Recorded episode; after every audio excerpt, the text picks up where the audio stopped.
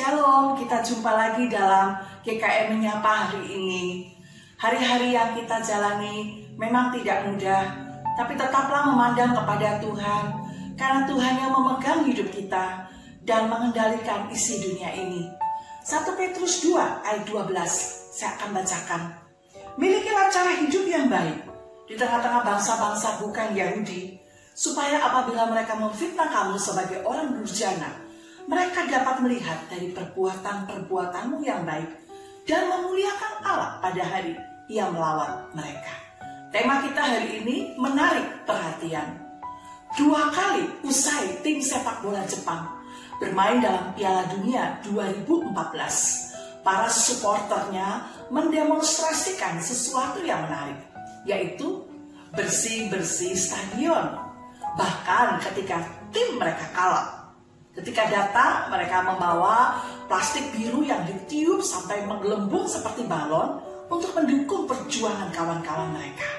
Sebelum pulang, mereka memakai plastik itu untuk memunguti botol plastik, wadah makanan, sampah lainnya di tribun stadion selama kurang lebih 30 menit.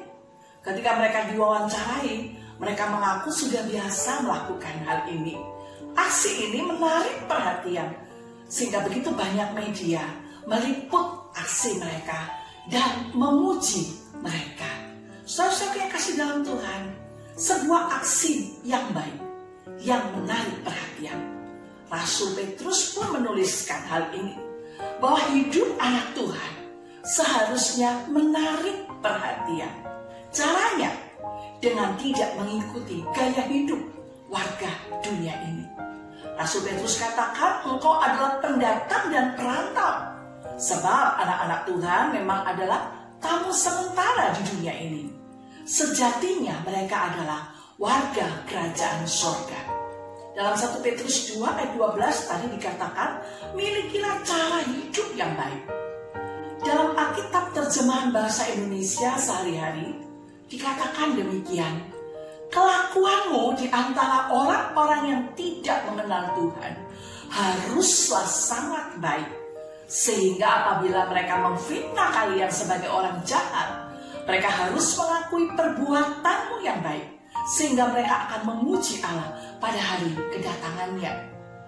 Dalam terjemahan ini dikatakan haruslah sangat baik kelakuanmu. Siapa yang kasih dalam Tuhan? Kehidupan kita sehari-hari. Di rumah, di tempat kita bekerja, di mana pun kita, kita bisa memberi dampak kepada orang lain. Sehingga orang-orang di sekitar kita, ketika mereka memperhatikan perkataan kita, memperhatikan perbuatan kita, kita dapat memuliakan Tuhan. Mereka dapat mengenal Tuhan. Marilah kita mengandalkan Tuhan. Mengizinkan Tuhan mengarahkan pikiran kita, perbuatan kita, sehingga dengan demikian kita dapat memberikan pengaruh dampak kepada mereka yang belum mengenal Tuhan.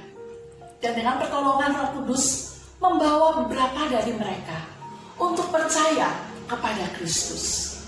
Doa saudara dan saya pada hari ini, Tuhan tolong kami menjalani hidup kami pada hari ini sedemikian rupa sehingga namamu dimuliakan. Tuhan Yesus memberkati